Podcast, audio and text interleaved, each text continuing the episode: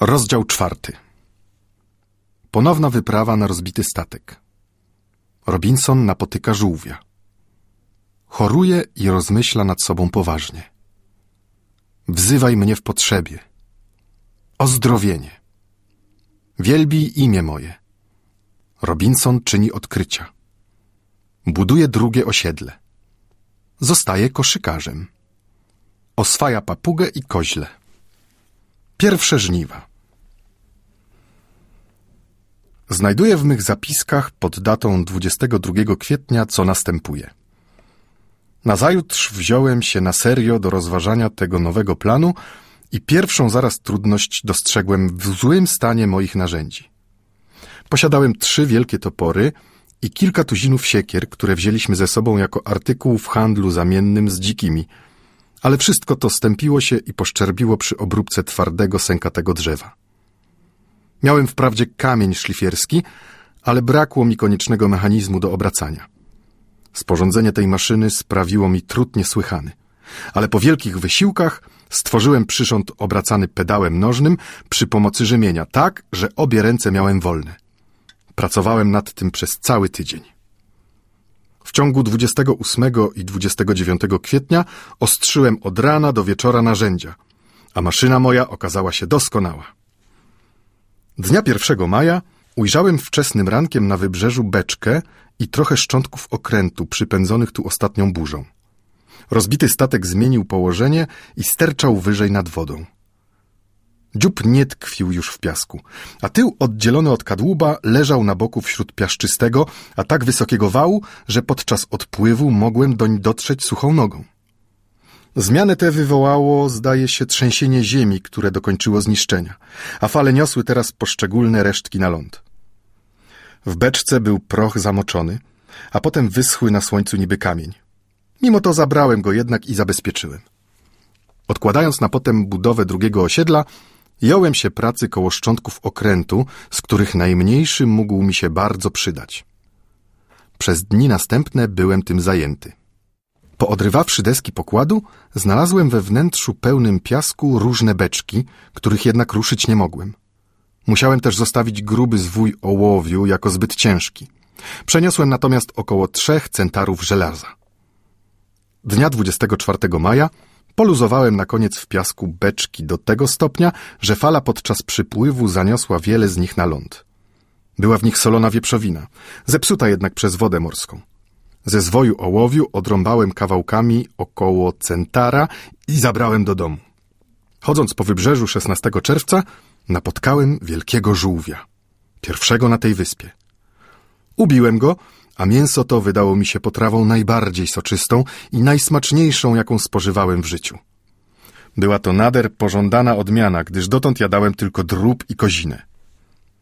Pod datą 27 czerwca znajduję w pamiętniku taki zapisek.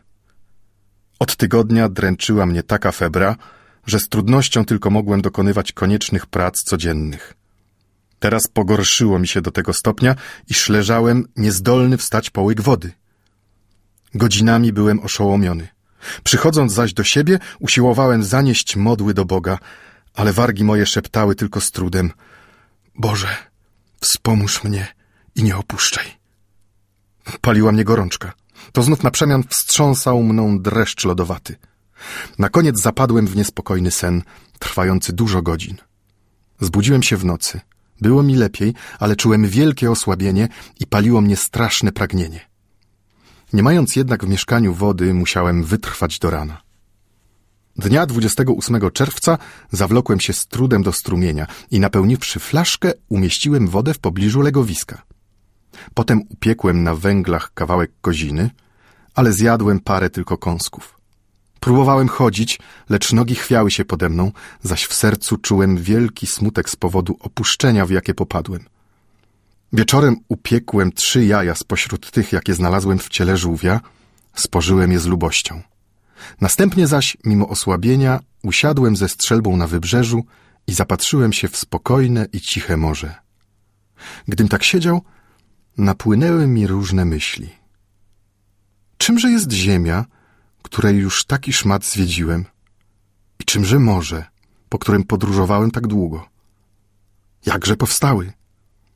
Czymże jestem ja sam i te wszystkie otaczające mnie dzikie i swojskie twory? Nie ulega wątpliwości, że wszechpotężna siła stworzyła wszystko. Żywe istoty, ziemię, morze, powietrze i widnokrąg ze słońcem, księżycem i gwiazdami. Cóż to za siła niezmierna? Oczywiście, to Bóg.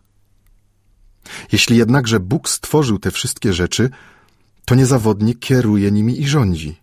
A zatem bez Boga i Jego zgody oraz woli nic się w całym świecie stać nie może.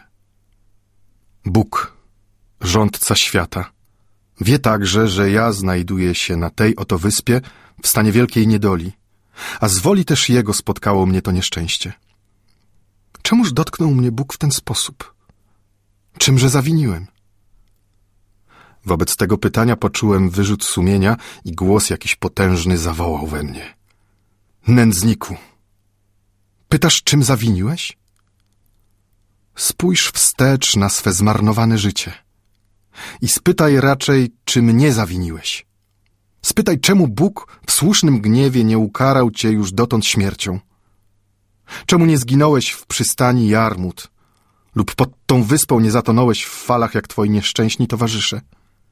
Jak śmiesz pytać o swoje winy?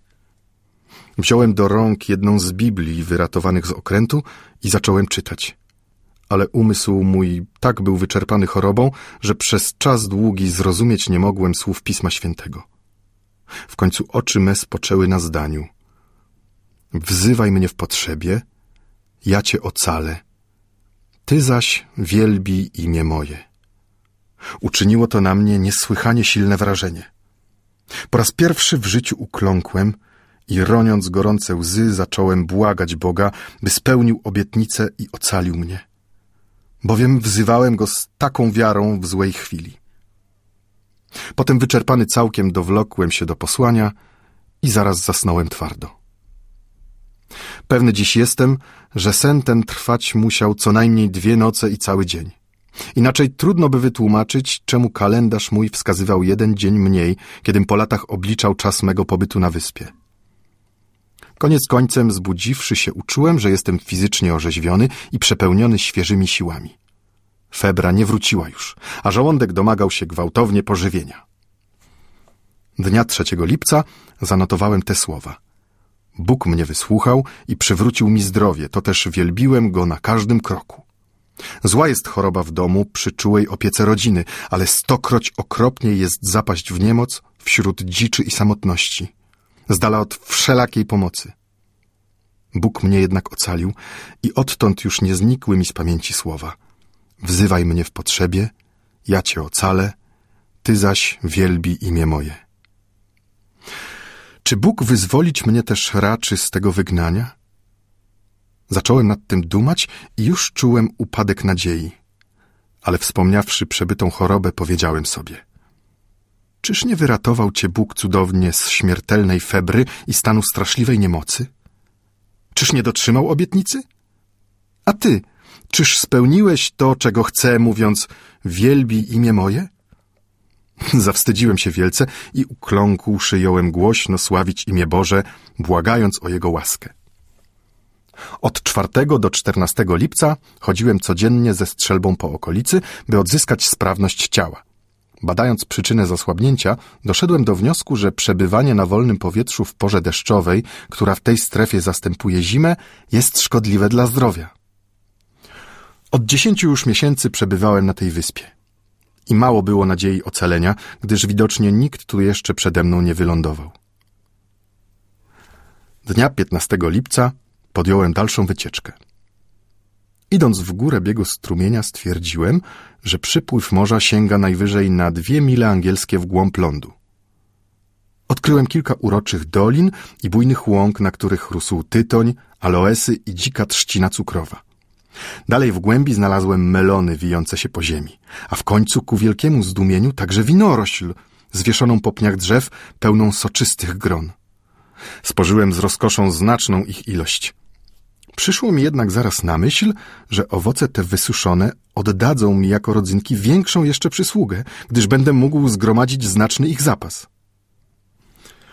Odległość od domu była tak znaczna, że spędziłem noc na drzewie, gdziem spał wyśmienicie.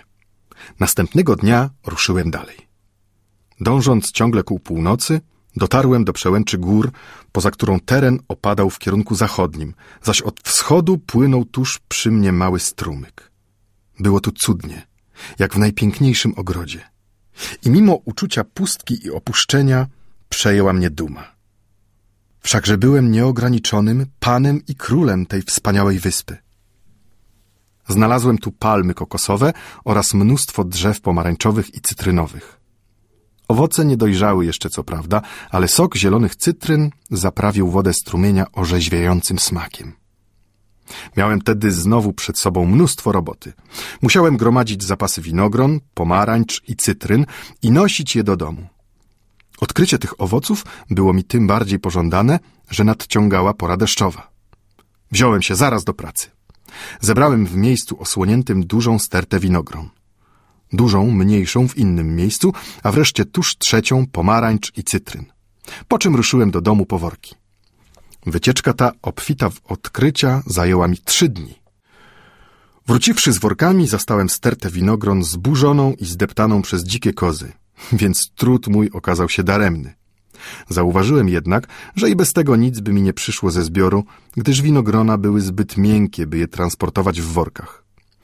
Pościnałem przeto znaczną ilość i rozwiesiłem na gałęziach drzew, by wyschły w słońcu. Wielki jednakże zapas pomarańcz i cytryn zdołałem przenieść do mego osiedla. Urodzajna ta dolinka tak mi przypadła do gustu, że umyśliłem zbudować sobie tu drugie mieszkanie. Ale zaniechałem tego po chwili rozwagi, bowiem nie widać stąd było morza, a więc mogłem przeoczyć przepływający w pobliżu okręt. Poprzestałem tedy na zbudowaniu małego szałasu, który otoczyłem silnym płotem, dając doń przystęp tylko za pomocą drabiny. Tu spędzałem nieraz po kilka nocy z rzędu i posiadłem w ten sposób grotę skalną, silną jak forteca oraz miłą willę letnią. Praca ta przeciągnęła się aż do sierpnia, po czym spadły deszcze, które mnie uwięziły we właściwym osiedlu. Letnisko posiadało wprawdzie także namiot, ale brakło tu ochrony skalnej przed burzą i nawalnym deszczem. Dnia 3 sierpnia wyschły na koniec winogrona, dając nader smaczne rodzynki. Był zresztą najwyższy czas zabrać je, gdyż deszcz mógł mnie lada chwila pozbawić najlepszej części zapasów zimowych. Musiałem przenieść do domu około dwieście wielkich wiązek tych rodzynków na własnych plecach. Właściwa pora deszczowa nastała 14 sierpnia. Trwała z rozmaitym nasileniem do połowy października, a ulewa wzmagała się z czasem tak, że przez parę dni nie mogłem opuścić jaskini. W tym czasie zaskoczyło mnie pomnożenie mego dobytku. Ponieważ oba zwierzęta były samicami, przeto ojcem kociąt musiał być jakiś dziki kocur. Zwierzątka były bardzo ładne i całkiem podobne do matki. Z biegiem czasu rozmnożyły się jednak tak bardzo, że były mi wprost plagą i musiałem je strzelać, by z niemałym trudem chronić swe zapasy. W ciągu przymusowej niewoli rozszerzyłem znacznie jaskinię i stworzyłem drugi dostęp do mieszkania, o którym już wspomniałem poprzednio. Nie było obawy napaści z tej strony, gdyż wyspa moja nie posiadała ludności. Zaś największe zwierzęta, jakie napotkałem, były to lamy tylko. Nadszedł 30 września złowrogi dzień mego rozbicia i wylądowania. Policzywszy nacięcia kalendarza, przekonałem się, że spędziłem 365 dni na wyspie. Spędziłem ten dzień na poważnych rozważaniach i dziękowaniu Bogu za ocalenie i łaskę mimo rozlicznych grzechów moich. Zapiski mego dziennika stały się odtąd rzadsze, gdyż zabrakło atramentu. Postanowiłem notować najważniejsze tylko przeżycia i wydarzenia. Po długich dopiero doświadczeniach nauczyłem się odróżniać i przewidywać suchą i deszczową porę. Nim to zaś nastąpiło, spotkało mnie następujące rozczarowanie. Miałem w zapasie około 30 kłosów jęczmienia i 20 ryżu i uznałem, że teraz pora na siew. Skopałem przeto drewnianą łopatą kawał łąki, podzieliłem pole na dwie części i zasiałem dwie trzecie posiadanego ziarna. Zachowałem jedną trzecią i było to wielkie szczęście. Nie wzeszło ni jedno ziarno, bowiem ziemia nie posiadała wilgoci. Obrałem dla następnej próby miesiąc luty. Deszcze marcowe i kwietniowe posłużyły zasiewowi i uzyskałem tak obfity plon, że wydał po pół korca jęczmienia i tyleż ryżu. Teraz nabrałem rozumu i wiedząc, kiedy zaczynać siew, miałem nadzieję zebrać dwukrotny plon w roku. Zaledwie ustały deszcze, wybrałem się do mego letniska. Zastałem wszystko jak było, z wyjątkiem kołków płotu, które puściły korzenie i obrosły gęsto gałęziami. Ucieszyło mnie to bardzo. Poprzycinałem zaraz płot, który stał się żywopłotem i ze zdumieniem zauważyłem potem, jak gęsto rozrosły się drzewka w ciągu następnych trzech lat. Płot otaczał przestrzeń około 25 metrów średnicy, a mimo to korony nakryły wszystko, tak że w czasie upałów panował tu miły chłód. Ta okoliczność przywiodła mnie na pomysł otoczenia w pewnej odległości takimże płotem palisady mego dawnego osiedla i plan ten wykonałem zaraz. Ustawiłem kołki na 8 metrów od wału i niebawem spostrzegłem z radością, że puszczają nader bujne odrośle. Ciągle jeszcze dokuczał mi brak kosza. Setki razy usiłowałem upleść go, ale wszystkie gałązki, jakich używałem, były zbyt kruche. Przyszło mi na myśl, że giętkie odrośle mego płotu będą odpowiednim materiałem i w samej rzeczy udało się to wyśmienicie. W młodych latach obserwowałem nieraz w mieście rodzinnym wyplatacza koszyków, a nawet pomagałem mu czasem, jak to czynią chłopcy. Skorzystałem teraz z owej wiedzy. Wybrawszy się na swe letnisko, naścinałem znaczną ilość gałązek, podsuszyłem i zabrałem je do jaskini. Tutaj zacząłem pleść wedle upodobania koszyki różnych kształtów i wielkości, a posłużyły mi one do przechowywania różnych zapasów, zwłaszcza zboża. To powodzenie natchnęło mnie myślą robót dalszych. Mianowicie umyśliłem sporządzić naczynia na płyny, gdyż posiadałem tylko kilka beczułek i flaszek, a brakło mi nawet garnka na zgotowanie zupy. Także rad bym był zrobić sobie fajkę, gdyż dawna stłukła się od czasów niepamiętnych. Po długim łamaniu głowy doszedłem w końcu do celu. Ponieważ znałem dotąd małą tylko część mojej wyspy, postanowiłem zrobić wycieczkę aż do przeciwległego wybrzeża. Wziąłem strzelbę, róg z prochem, siekierę, dwa suchary, kilka garści rodzynków i ruszyłem w drogę. Pies pobiegł za mną bez wołania. Alama chętnie towarzyszyłaby mi także, gdybym jej nie był wprowadził do wnętrza przez otwór skalny i nie zamknął. Nie brakło jej pożywienia i wody. Przeszedłszy równinę, na której stało letnisko moje i stanąwszy na przeciwległych wzgórzach, ujrzałem w stronie zachodniej połyskujące morze. Dzień był pogodny, jasny, to też dostrzegłem na skraju widnokręgu pas ziemi, nie wiedząc jednakże, czy jest to wyspa, czy kontynent. Gdyby to było hiszpańskie wybrzeże Ameryki, mógłbym żywić nadzieję, że jakiś okręt podpłynie tutaj. Jeśli była to jednakże jakaś wyspa, zachodziła obawa, że są na niej dzicy, ludożercy może nawet, którzy zjadają każdego schwytanego jeńca. Kroczyłem zwolna i przekonywałem się coraz lepiej, że ta strona wyspy była nierównie powabniejsza od zamieszkiwanej przeze mnie. Cudne łąki kwietne porastały gaje pełne papug, z których rad bym był schwytać którąś, oswoić i wyuczyć paru słów. Powiodło mi się to w istocie. Uderzyłem kijem młodą papuszkę, a gdy przyszła do siebie, zabrałem ze sobą.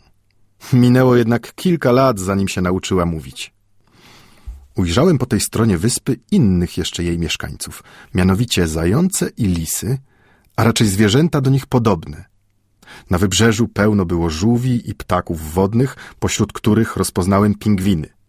Mogłem ich ubić mnóstwo, ale musiałem szczędzić prochu. Napotkałem też lamy i dzikie kozy w większej znacznie obfitości niż po mojej stronie.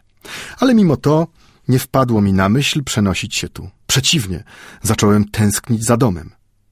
Przebyłem wzdłuż wybrzeża około dwunastu mil angielskich, po czym wbiłem w ziemię słup na znak. Następną wycieczkę postanowiłem skierować w stronę przeciwną i iść, póki nie dotrę do tego słupa. W drodze powrotnej zabłądziłem jednak na rozległej równi otoczonej wieńcem gór. Powietrze zamgliło się, a straciwszy z oczu słońce, jedynego przewodnika, wałęsałem się przez cztery dni bez kierunku i w końcu musiałem wrócić do słupa nad morzem. Tutaj dopiero odzyskałem świadomość, dokąd iść i ruszyłem wzdłuż brzegu. W drodze mój pies schwytał młodą kozę. Ja zaś nadbiegłem i uwiązałem ją na postronku, który zawsze miałem przy sobie. Z dawna już planowałem, że muszę złapać kilka młodych kus i stworzyć sobie trzodę. Ale koza szarpała się i opóźniała mnie w drodze, przeto doprowadziłem ją tylko do letniego mieszkania i tam zamknąłem. Pilno mi było do domu, który opuściłem przed całym już tygodniem. Odpoczywając przez kilka dni, zrobiłem klatkę dla papugi, którą nazwałem polem. Potem, przypomniawszy sobie o mojej kusce, poszedłem po nią. Zwierzątko wycieńczone było głodem. Dałem mu przeto trawy i wody. Gdy zaś chciałem kuskę potem wziąć na sznur, okazało się to zbyteczne. Poszła za mną sama, czując we mnie swego żywiciela. Podobnie jak lama, kuska przywykła do mnie tak, że nie chciała odejść krokiem. Nadszedł koniec roku i zabrałem się do żniwa. Pole nie było zbyt rozległe, gdyż użyłem do siewu niewielką ilość ziarna, ale kłosy wystrzeliły i były grube. Patrzyłem na nie z dumą nieraz. Wkrótce okazało się jednak, że omal znowu nie postradałem plonu. Oto dzikie kozy oraz zające upodobały sobie nowe jadło i po całych dniach i nocach pasły się w najlepsze. Rad nie rad, musiałem cały łan otoczyć płotem, co nie było sprawą łatwą i trwało całe trzy tygodnie. Tymczasem strzelałem ile mogłem do szkodników, zaś na noc wiązałem u nieskończonego płotu psa, którego ujadanie płoszyło nieprzyjaciół. Gdy zboże zaczęło dojrzewać, spadły nań chmary ptactwa, przeciw któremu płot nie był żadną ochroną. Przeraziłem się wielce, czując, że stracę wszystko, jeśli dniem i nocą nie będę czuwał ze strzelbą w ręku. Wielka część kłosów zniszczała już, jak się przekonałem, ale na ogół zboże było jeszcze nie całkiem dojrzałe i można by przeboleć katastrofę, gdyby się udało uratować resztę plonu. Po pierwszym strzale ptaki uniosły się chmurą i siedząc na drzewach czekały jakby aż odejdę. Nabiwszy strzelbę, ruszyłem pozornie w las. Gdym im jednak tylko znikł z oczu, runęły z powrotem na łan. Zawrzałem gniewem, gdyż każde ziarno pożarte przez tę bandę stanowić mogło dla mnie w przyszłości cały bochen chleba. Wyskoczywszy tedy, palnąłem ponownie i zabiwszy trzy duże ptaki, przywiązałem je do żerdzi, którą ustawiłem pośrodku pola, jako odstraszający przykład dla złoczyńców. Ten środek okazał się ponad oczekiwanie skuteczny. Od tej chwili ptactwo znikło nie tylko z pola, ale opuściło całą tę część wyspy i dopóki wisiały moje straszaki, nie widziałem żadnego z tych drabów na oczy. Nadeszły żniwa. I znowu stanąłem wobec nowej trudności. Nie posiadałem bowiem ani kosy, ani sierpa. Poradziłem sobie w ten sposób, że użyłem jeden z dwóch mieczy zabranych z okrętu, wyostrzywszy go należycie.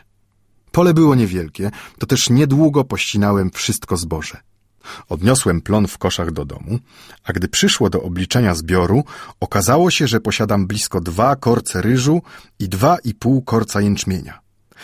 Napełniło mnie to wielką otuchą. I w myślach jąłem już zajadać chleb dobyty przy Bożej pomocy z tego ziarna. Nie wiedziałem jednakże, w jaki sposób wyłuszczyć zboże, zemleć je, zamiesić ciasto i upiec chleb. Na razie chciałem tylko przysposobić znaczny zapas, więc postanowiłem cały plon użyć na siew. A nim nadejdą ponowne żniwa, rozwiązać trudną kwestię sporządzenia chleba w sposób możliwie najlepszy. Przede wszystkim należało zaorać pole. Że zaś nie miałem pługa, musiałem je w pocie czoła przekopać drewnianą łopatą. Posiawszy zboże, musiałem zrobić bronę, by wyrównać ziemię i nakryć nią ziarno. Następnie trzeba je było ochraniać przez czas wzrostu przed szkodnikami i dalej rządź, znosić, młócić, łuszczyć i przechowywać. Potrzeba mi było młyna, sita dla czyszczenia mąki, drożdży lub kwasku do ciasta i soli, wreszcie pieca dla ostatecznego wypieku. Zadanie moje trudne tedy było i zawikłane, ale postanowiłem go dokonać. Czasu miałem dość. Poświęcałem tedy codziennie parę godzin na przysposobienie wielkiego dzieła. A ponieważ na nowe żniwa musiałem czekać całe pół roku, przeto napełniła mnie nadzieja powodzenia.